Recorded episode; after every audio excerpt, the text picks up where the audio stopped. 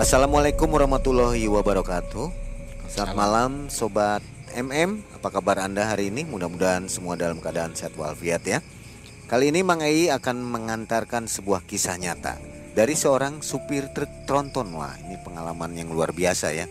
Namanya adalah Mas Ahmad. Mas Ahmad ya. Baik Mas Ahmad.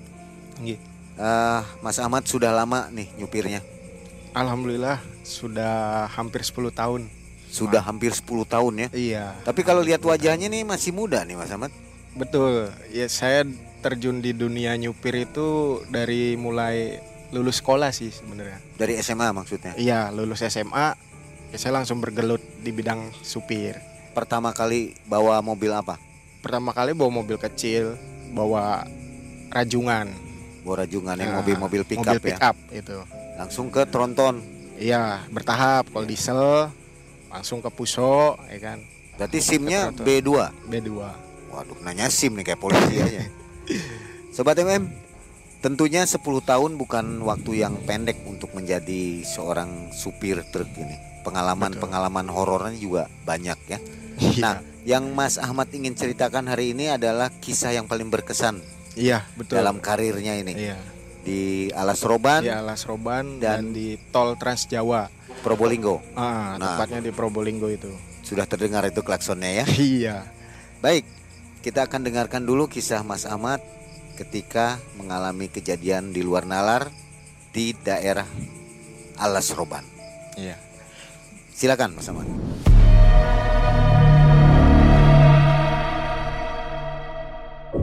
Begini, Mang. Waktu pertama saya nyupir pick up ya, bawa daging rajungan. Saya disuruh majikan saya itu ngambil bahan baku ke wilayah Alas Roban. Waktu itu saya baru pertama kali tuh ke situ. Saya juga belum tahu kan tempatnya di mana, medannya seperti apa, ya kan. Maulah saya kan. Saya mau. Ya udah siap, saya bilang ke majikan saya. Nah, saya dikasih patokan. Nanti di Subah. Nah, nanti kamu masuknya nih dari Sate Haji Subali depannya. Oke, saya bilang. Nah, sudah itu saya jalan kan tuh dari Semarang posisi sendirian. Nggak pakai kenek ya? Enggak, enggak pakai kenek. Nah, saya jalan. Akhirnya saya ketemu nih sama patokan yang tadi bos saya bilang kan. Ah, ini kan saya bilang. Nah, akhirnya saya masuk tuh ke jalan itu. Nah, kok saya pas saya masuk paling ada rumah beberapa lah, maksudnya berapa kilo lah itu ke kawasan rumah saya masuk posisi itu masih jam 2 masih siang.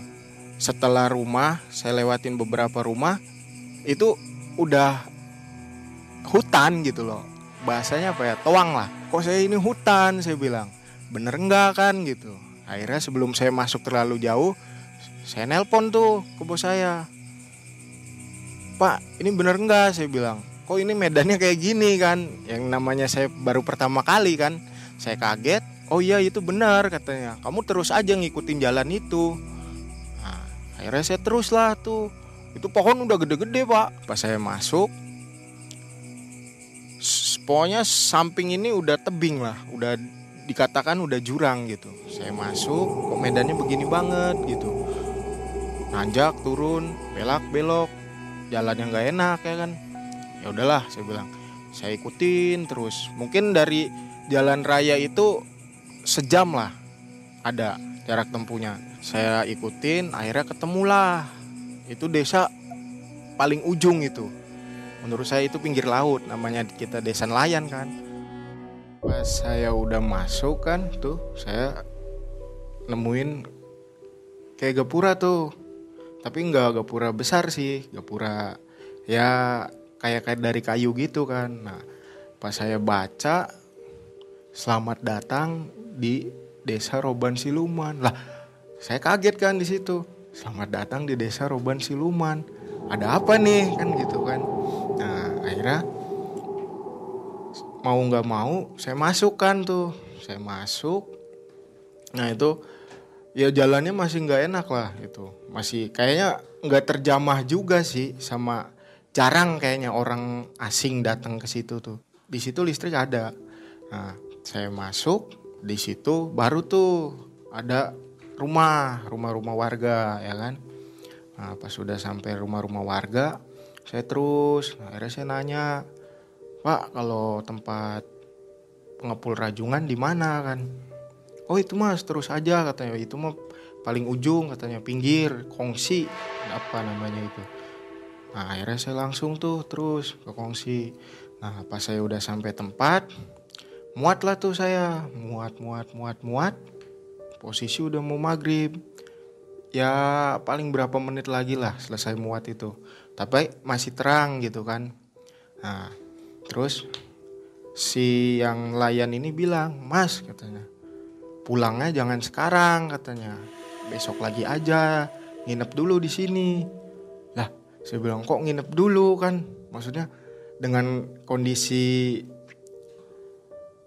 desa yang seperti itu gitu kan yang menurut saya kurang asing gitu. Bagi saya kayaknya nggak memungkinkan gitu. Saya langsung bilang pak kayaknya saya nggak bisa saya mau langsung aja saya bilang. Bener nih bener pak saya mau langsung. Oh ya udah kalau situ maksa. Cuma kalau nanti ada apa-apa tanggung sendiri. Nah di situ saya bertanya-tanya pak kalau ada apa-apa tanggung sendiri gitu kan. Ya udahlah saya beraniin aja kan. Akhirnya saya langsung tuh keluar dari desa itu. Nah pas saya keluar dari gapura itu udah mulai gelap. Maghrib lah pas maghrib saya keluar dari desa itu. Maghrib jalan kan tuh. Nah, tambah gelap tambah gelap. Nah, gelap dah tuh. Nah di situ pun saya jalan dengan keadaan yang takut. Akhirnya saya tutup kaca rapet ya kan nah, saya nyalain musik tuh saya nyalain musik kira-kira saya udah antisipasi kira-kira dari luar nih nggak terjadi apa suara-suara lah gitu nggak kedenger suara-suara. Ya waktu itu dangdut sih pak, lebih dangdut mang waktu itu. Nah akhirnya saya jalan, ya udah saya asik jalan. Nah di situ saya ada kejadian yang ini juga sih, menurut saya lucu tapi ya emang masih posisi mencekam gitu kan. Saya jalan, bet, nggak sengaja saya lihat tuh ke atas. Astagfirullahaladzim, kok banyak banget saya bilang. Akhirnya saya deketin deketin kan. Saya lihat lihat lihat. Ternyata nangka. Lagi dibungkus tuh pakai karung kan. Tadinya pikiran saya emang itu tuh ya kayak yang begitu kan. Ternyata saya deketin lagi kok oh nangka gitu kan saya masih aman lah. Udah saya positif aja kan tuh. Saya jalan lagi met dengan medan yang ya udah nggak karuan lah itu jurang ya kan. Nah sama hutan nggak ada penerangan sama sekali selain mobil saya kan. Saya jalan lagi nah, berapa kilo saya nemuin lagi. Pikir saya itu nangka nangka lagi kayak tadi. Wah nangka ini mas saya bilang nah saya tambah deket tambah deket. Tahu-tahu musik yang saya setel ini kresek kresek kresek. Pet mati mang ini musik. Nah begitu musik mati saya udah panik kan. Maksudnya wah musik mati kan. Saya keprak-keprak itu si tipnya kan. Saya keprak-keprak kirain saya salon ada kabel apa enggak ada udah mati aja. Saya deket saya deket. Kalau yang ini malah asli bergelantung. Asli itu. Astagfirullahaladzim saya bilang ini asli kan gitu. Panik kan saya. Dengan panik takut udah nggak karuan lah posisi waktu itu. Nah mereka ini kayak paduan suara gitu. Jadi apa ya ngikik lah. Ya kurang lebih gitulah pokoknya. Ada yang ngikik begitu. Akhirnya saya kedenger di situ saya langsung jalan lagi. Jumlahnya banyak ya? Banyak pak. Ya banyak lah pokoknya itu kan pohon gede tuh. Jadi dia nutupin jalan gitu. Pohon tuh gitu kan. Nah mereka ini di sini gitu loh. Bergelantungan. Saya kira ada berapa? Ya 10 lah. 10 kurang lebih. Oh banyak ya? Banyak. Lebih ke perempuan sih. Ya kalau menurut saya kayaknya itu blognya mereka sih. Kayaknya gitu. Karena yang saya lihat rata-rata begitu. Cuma saya nggak berani ngelihat secara maksudnya langsung ke mukanya enggak cuma saya itu itu gitu. Bukan karung yang tadi saya lihat pertama itu bener itu kan. Nah saya jalan lagi ketemu kayak tanjakan tapi nikung. Tapi nggak begitu nanjak sih menurut saya itu. Tanjakan nikung. Nah kok mobil saya berat gitu kan. Berat saya saya nggak berani lihat spion pak waktu itu. Karena pikir saya lihat spion juga kan percuma karena nggak ada yang lewat selain mobil saya gitu kan. Ke gigi satu gigi rendah paling rendah tetap masih berat itu mang. Nah pas itu akhirnya nggak sengaja kan ada spion yang bisa ngelihat ke belakang ya. Kalau pick up kan dia bisa kelihat mang. Nah saya ngeliat lah di situ ke spion. Ternyata di belakang saya itu kan kalau rajungan kan dipak pakai fiber. Nah fibernya itu kan rata bak. Nah jadi si mereka ini duduk gitu. Duduk di fiber saya di kendaraan saya kan. Astagfirullahaladzim, saya nyebut lagi di situ. Dengan perasaan panik, takut, udah nggak karu-karuan kan.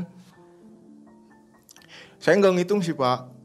Kalau di situ saya nggak itu, cuma yang saya tahu itu wujudnya ini ada yang bulu, itu dia buluan lah.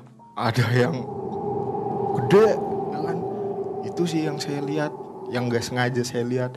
Akhirnya, eh saya tetap tuh jalan. Nah di situ saya udah pasrah lah pasrah gitu wah cuma dalam hati saya saya baca-baca sebisa saya saya bilang jangan ganggu saya saya lagi cari rezeki di sini saya klaksonin tin tin tin tin yang tadinya saya itu udah panik kan udah wah udah gigi paling rendah gua saya teken kan gimana kan sampai ngebul lah gitu.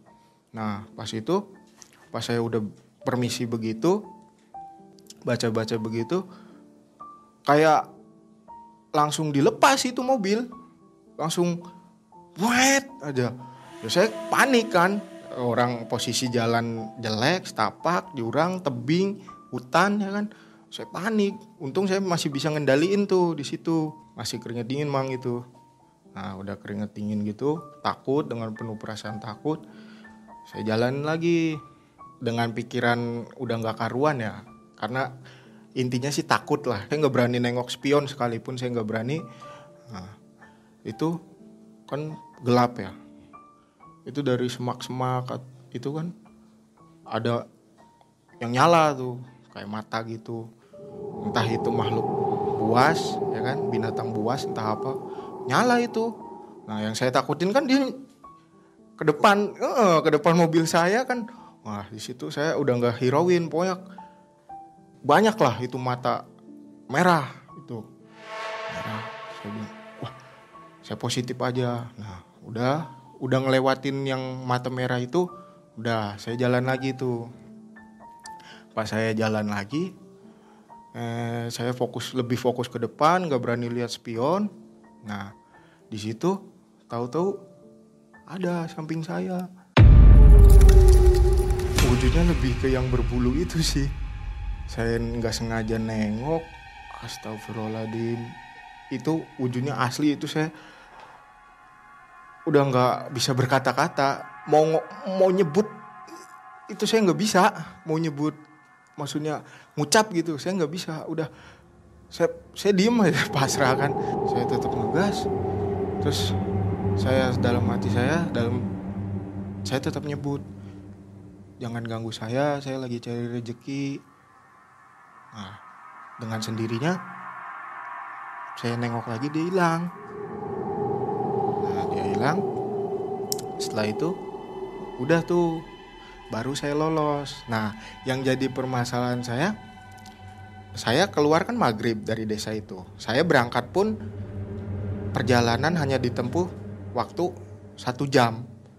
Pas saya keluar ke jalan raya ke Pantura, itu jam udah jam 11 malam. Berarti saya kejebak di dalam itu kayak lama banget gitu. Jadi telat berapa jam? telat tiga jam dan itu pun ya emang saya ngerasain kok kayak nggak sampai-sampai gitu kan.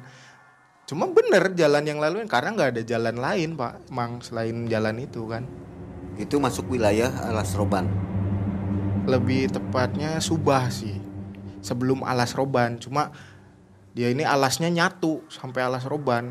Nah kalau sekarang kan udah ada tol nih. Nah itu mungkin dari atas tol juga kelihatan tuh si desa ini nih yang saya pernah temuin kayak gitu. Nah semenjak saat itu saya disuruh situ lagi saya nggak pernah mau.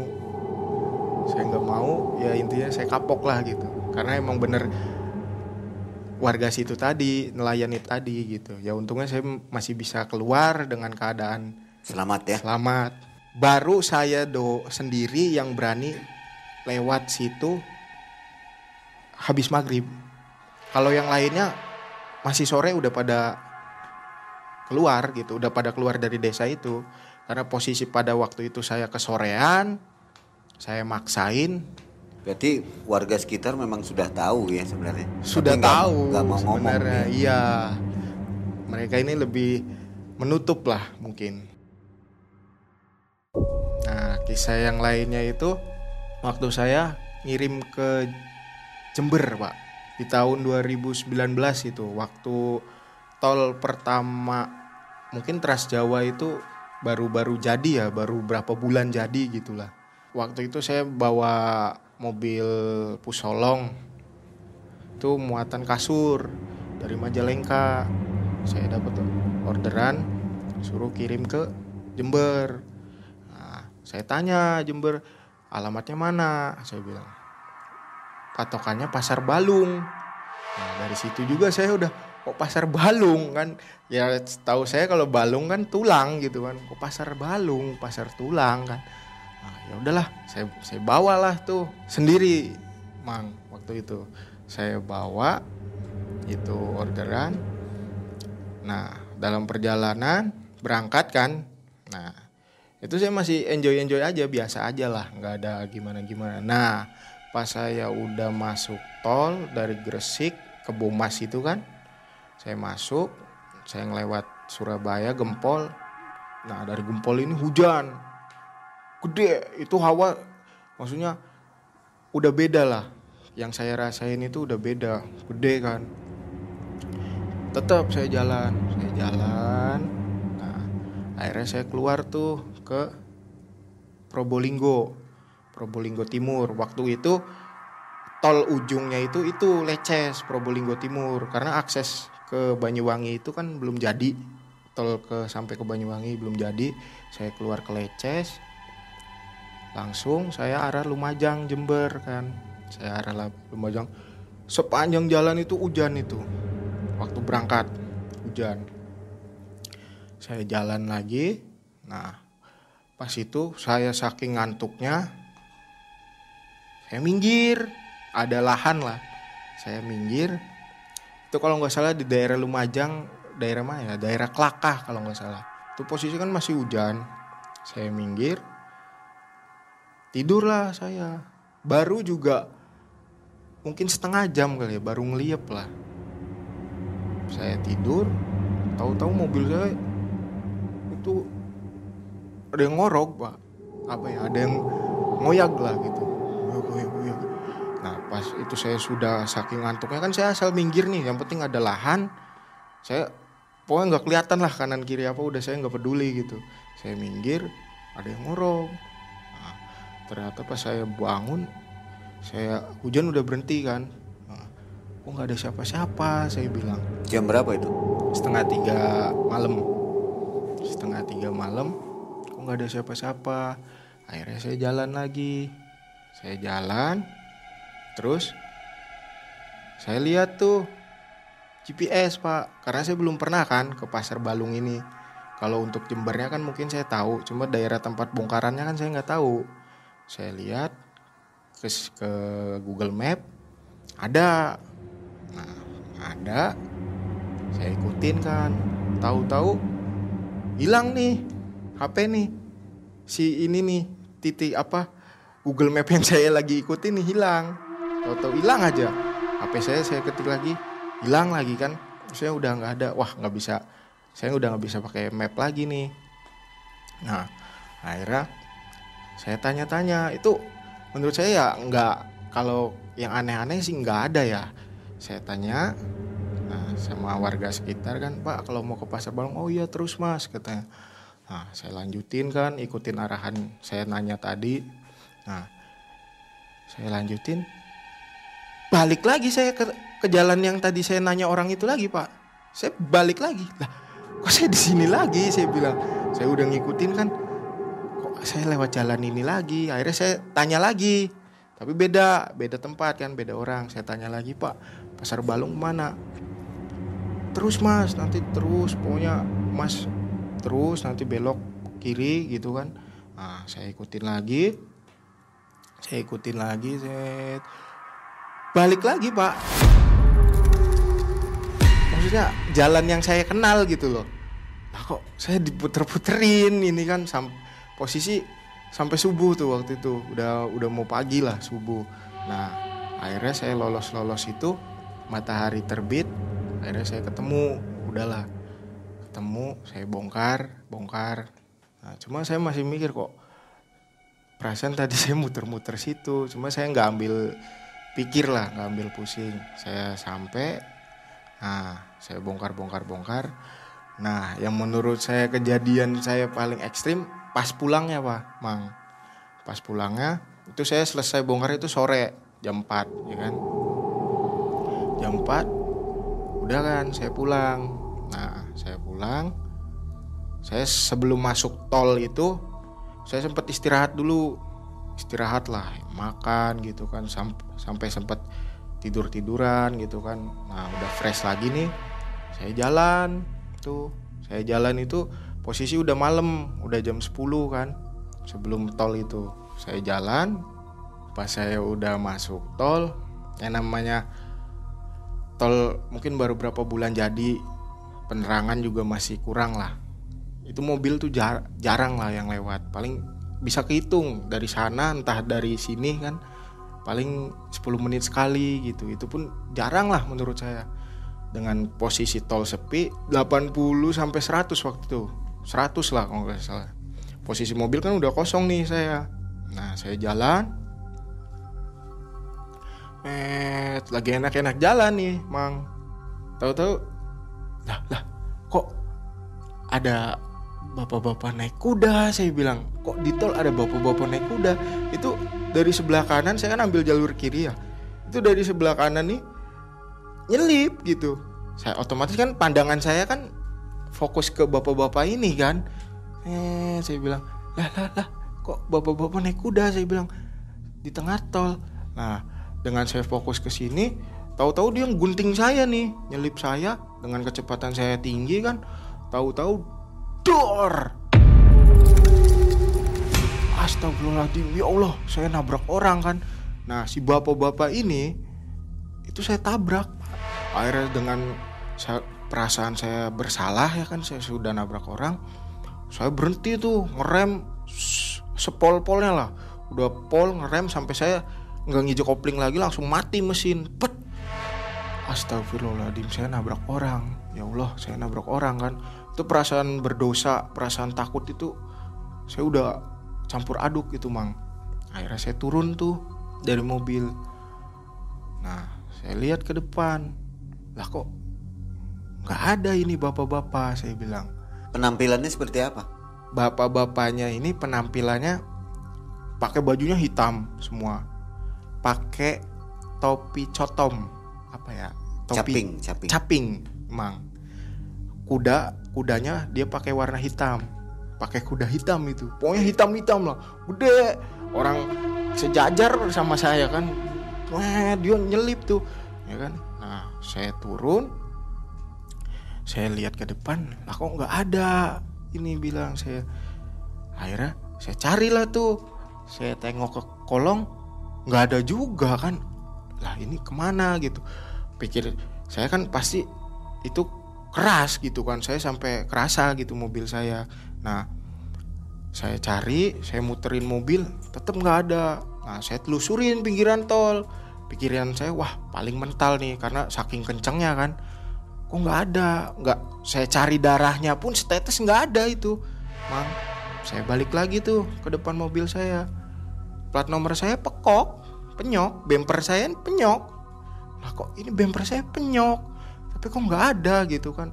Adalah 15 menit saya di situ. Saya cari-cari bapak-bapak itu. Ada mobil mus paling mobil pribadi mang. Mus gitu kan. Udah gue paling satu dua gitu. Cuma saya fokus ke bapak-bapak ini kan dengan perasaan berdosa bersalah saya saya udah nabrak orang kan. Akhirnya ya udahlah tuh. Karena saya udah usaha cari nggak ada jejaknya saya naik lagi ke mobil. Nah pas saya naik lagi ke mobil saya jalan kan. Kan mobil saya udah kosong nih ya kan. Pas saya jalan kok mobil kerasa berat saya bilang. Kayak ada muatannya kan. Di situ saya mutusin turun lagi minggir lagi mang.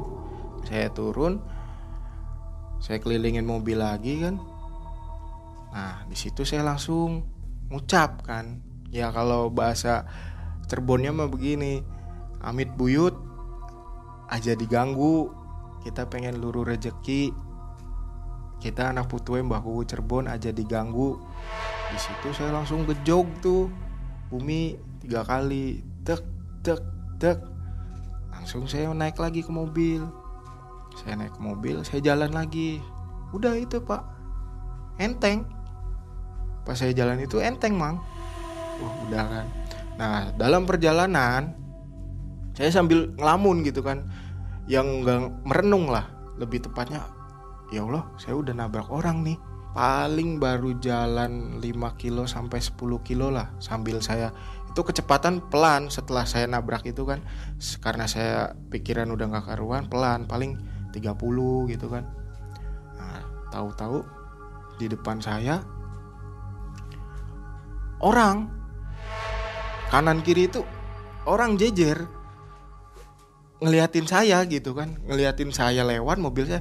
Otomatis saya ngurangin kecepatan saya kan. Yang tadinya 30 saya kurangin. Nah, kok rame? Saya bilang banyak orang di di tol kan. Nah, di situ saya lewat ya kan. Gimana ya? Kalau untuk wajahnya sendiri sih orang orang. Cuma orang-orang jadul gitu loh kayak orang-orang zaman dulu lah muka-mukanya gitu. Kayak kerajaan cuma pakai bajunya itu ya kayak kerajaan lah modelnya gitu. Normal menurut saya masih nggak terlalu aneh bagi saya gitu. Cuma yang saya aneh kan masa iya di tengah tol banyak orang kan gitu kan. Malam lagi kan. Yang menghadang itu kurang lebih ada 100 orang mang. Nah itu kan. Nah akhirnya setelah itu saya lewat net. Nah yang di yang paling ujung tuh itu dia udah mulai pada ngedeket nih mobil saya dialangin.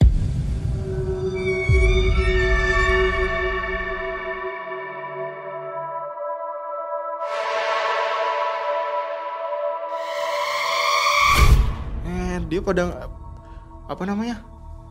Pada ngerapat mang posisinya. Pada ngerapat otomatis saya ngerem dong maksudnya saya berhenti dong. Cuma di situ saya nggak berani turun. Ya intinya takut lah saya nggak berani turun. Lebih mereka nih lebih nggak bawa apa-apa sih. Tapi mereka nih ngelihat saya tanpa ekspresi gitu. Gimana ya? Sinis lah gitu. Nah dekat mobil saya saya lihat dari spion yang tadi saya lewatin juga ngerapat gitu ke mobil saya. Cuma dalam pikiran saya saya langsung wah ada yang gak beres nih saya bilang. Saya mikirnya udah kalau saya lanjut berarti saya harus nabrak mereka nih yang ngadangin mobil saya ya kan. Berhenti posisi udah mulai karena saya mereka nih udah ngadang saya gitu loh. Saya takut kan mang? Maksudnya itu orang beneran kalau saya tabrak kan berarti ya saya bersalah kan berdosa gitu. Sebenarnya saya langsung sekelimat pikiran wah udah nggak ada yang beres nih saya bilang kan. Ada yang nggak beres. Nah di situ saya akhirnya memberanikan diri tuh. Nah di situ begitu mereka udah rapat rapat rapat saya langsung klakson. Nah yang ngalangin saya depan itu saya terobos. Ya mau tidak mau saya tabrak.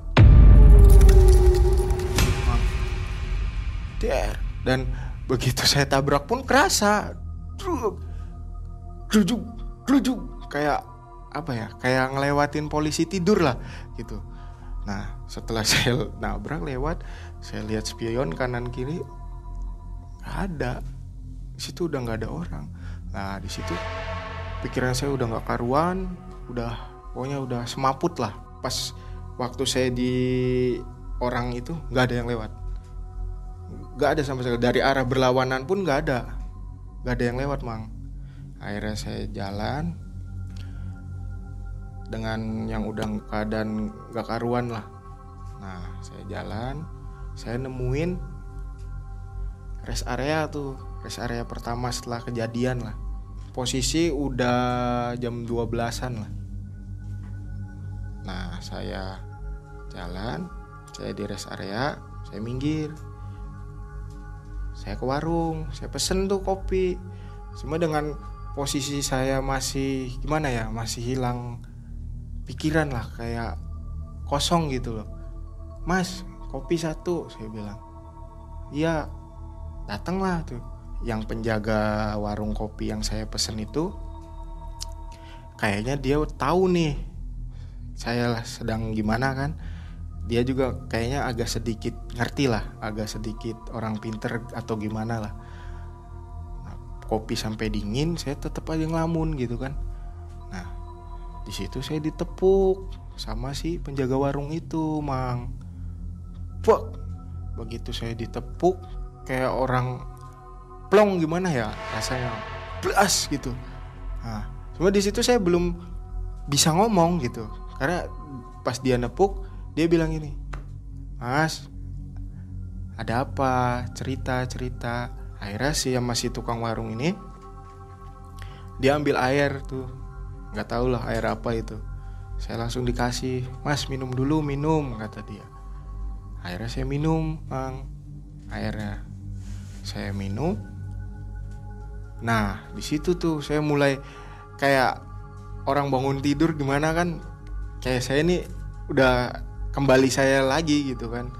Akhirnya saya ceritain lah tuh kejadian yang dari tadi saya nabrak bapak-bapak naik kuda sampai saya di apa kepung sama orang-orang itu kan yang ngadang saya di tol. Dia langsung nangkep nih kayak udah biasa mungkin ya. Nah, dia langsung nangkep. Mas dari Jawa Barat ya? Lah kok tahu? saya bilang. Iya pak saya dari Jawa Barat saya bilang. Ini saya habis ngirim dari Jember. Nah, terus kata si penjaga warung itu oh pantesan katanya kata dia. Akhirnya saya diceritain lah di situ sama si penjaga warung itu mang. Saya diceritain katanya mas kalau mau lewat situ lain kali sebelum masuk tol atau pokoknya Mas permisi katanya gitu. Mas permisi ya baca doa segala macam katanya. Ya saya bilang dong saya juga waktu pertama berangkat pasti saya Bismillah pak. Saya bilang saya baca doa ya cuma harus ada kata dia ada bahasa permisi lah kata dia. Emang saya nggak ada bahasa permisi sih hanya sekedar Bismillah gitu kan. Sebelum jalan saya gitu terus diceritain lah sama dia tuh akhirnya. Emang apa sih pak? Saya bilang yang saya tabrak itu apa? Saya bilang yang mas tabrak itu aki-aki naik kuda itu itu panglima katanya. Panglimanya. Nah, mungkin yang mas tadi di dihadang itu prajuritnya ya saya kan baru sih pak. Terus terang saya baru lewat tol ini ya karena baru jadi juga kan saya bilang. Iya mas katanya. Seperti itu. Nah terus katanya kalau orang Jawa Barat datang ke wilayah ini mungkin namanya dia nyebutin tuh Jawa Timur itu mang di Probolinggo. Katanya ini wilayah tapal kuda. Kalau orang Jawa Barat datang atau melintas ke wilayah ini itu katanya udah pasti diganggu. Seperti itu bilangnya. Udah pasti diganggu. Karena mungkin zaman dulunya lah dia juga cerita sejarah-sejarah cuma saya nggak terlalu nangkep kan. Kata dia tuh eh, ada perjanjian entah gimana. Begitupun sebaliknya kalau orang Jawa Timur melintas ke Jawa Barat wilayah tertentu ada kayak gitu. Kerajaan Majapahit dulu. Mungkin ada perjanjian atau gimana. Gajah Mada kan dulu kata dia gitu. Cuma saya nggak terlalu nangkep sih begitu dia cerita tentang sejarah yang saya tangkap kan akhirnya. Ternyata wilayah itu tuh wilayah tapal kuda gitu ya akhirnya saya dikasih wejangan kan sama tukang warung itu. Pokoknya nanti kalau lewat daerah sini sini katanya. Terutama daerah tadi ya minimal harus permisi lah. Pada waktu kondisi itu mungkin Mas Ahmad ini ya. melamun ya? Atau bagaimana? posisi waktu pada saat itu enggak sih mang. Malah saya kan sebelumnya nih habis istirahat nih ya habis istirahat habis sempat tidur juga udah fresh kembali gitu. Malah saya sempat ya sempat Joget-joget. joget-joget gitu kan. Dengan enjoynya dengan pedenya kan. Karena pikir saya tol sepi ya kan. Asik nih. Sepi kan. Akhirnya ya saya enjoy aja itu mang. Nah, tahu-tahu ya itu kejadiannya. Ada aki-aki naik kuda kan. Mitosnya apa ya? Maksudnya mitos ini masih dipercaya nggak hingga sekarang? Ah, menurut supir-supir lain sih mungkin dan menurut penjaga warungnya sendiri ini banyak gitu. Karena dia bilang nih bukan saya aja gitu yang ngalamin kayak gini gitu. Karena sebelumnya dia juga sempat eh, ada cerita begitu dia berhenti di rest area ini ketemu bapak ini ada sama yang sama kayak saya gitu. Cuma mungkin beda-beda versi lah. Cuma kalau menurut penjaga warung ini termasuknya saya ini yang paling ekstrim katanya. Kalau yang lainnya sih mungkin hanya sekedar nggak sampai ditabrak gitu. Malah saya tuh pak itu apa namanya plat nomor saya bumper saya itu sampai penyok pak. Cuma nggak ada darah nggak ada apa pun. Sampai dilihat sama dia emang iya katanya.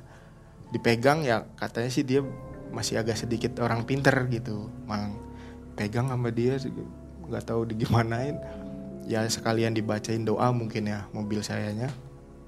Itu oh udah mas katanya. Iya emang bener katanya. Tadi Mas Ahmad bilang berdoanya itu bilang bahwa Mas Ahmad keturunan dari Cirebon ya. iya. Mungkin karena itu jadi marah atau gimana? mungkin sih pak. Cuma kalau untuk saya pribadi kan apalagi saya orang Cirebon asli kan ya mungkin itu salah satu apa ya yang menurut saya untuk permisi gitulah. Kalau saya ini ngasih tahu gitu kan kalau saya ini orang Cirebon gitu kan. Entah dari situ mereka makin marah menjadi-jadi atau malah gimana itu saya nggak tahu juga gitu Bisa ya kemungkinannya ke situ ya. bisa mang kemungkinan bisa di situ karena saya itu kan secara refleks sih mang Iya. Karena mengaku dari Cirebon berarti daerah Jawa Barat ya. iya Otomatis akan diganggu gitu. Sampai Mungkin saat ini sih. masih dengar yang sering diganggu di sana. kalau sampai saat ini sih kalau yang teman-teman saya ya yang saya tahu sih masih cuma nggak ya itu saya tadi bilang nggak se ekstrim saya mang gitu sampai nabrak lah nggak paling mereka itu lebih kayak ditampakin pinggir jalan ada yang apa berdiri gitu-gitu doang sih Ya ini juga aneh ya. Itu kuda sampai 100 km per jam. nah itu Luar makanya biasa cepatnya ya. Di kan- jalan tol lagi. iya di jalan tol lagi kok ada gitu Harusnya udah ditangkap kan? Iya udah ditangkep kan harusnya dan ya nggak masuk akal lah dia naik kuda nyalip tujuannya apa gitu kan? Boleh dibagikan ke penonton kita daerah mana tepatnya itu? itu pokoknya saya masuk ini Probolinggo Timur ya Leces pokoknya sepanjang tol itu Probolinggo Barat Tongas terus sampai Bangil lah. Pokoknya sepanjang ruas itulah Tongas Probolinggo Barat sama Leces ini sepanjang tol itu ya waktu itu saya nggak sempet mikir kilometer berapa kilometer berapa kan Jadi ruas itu ya tadi ya? iya ruas itu Tongas dengan Probolinggo Timur Leces itu Leces. Oke. Jadi untuk penonton kita harap berhati-hati mungkin baca doa Iya, di daerah situ ya. Jangan lupa manjatkan doa kepada Allah Subhanahu wa taala. Baik, itulah kisah yang sangat menarik menambah info kita tentang seputar dunia gaib. Iya. Ini kisah nyata dari Mas Ahmad Betul. sebagai seorang supir yang setiap harinya ada di jalannya. Betul. Ada pesan yang ingin disampaikan kepada penonton kita mungkin? Ya mungkin pesan saya khususnya untuk pengendara ya, apalagi perjalanan jauh gitu kan. Ya mungkin alangkah baiknya sebelum melakukan perjalanan itu kita berdoa lah gitu. Berdoa ya setidaknya kita menurut keyakinan masing-masing gitu kan kita berdoa. Dan satu yang penting jangan ngelamun lah gitu. Istilahnya jangan Yang ada kosong ya. pikiran kosong kita berdoa jangan ada pikiran kosong. Waktunya ngantuk tidur. Udah itu aja. Karena obatnya ngantuk itu tidur sih.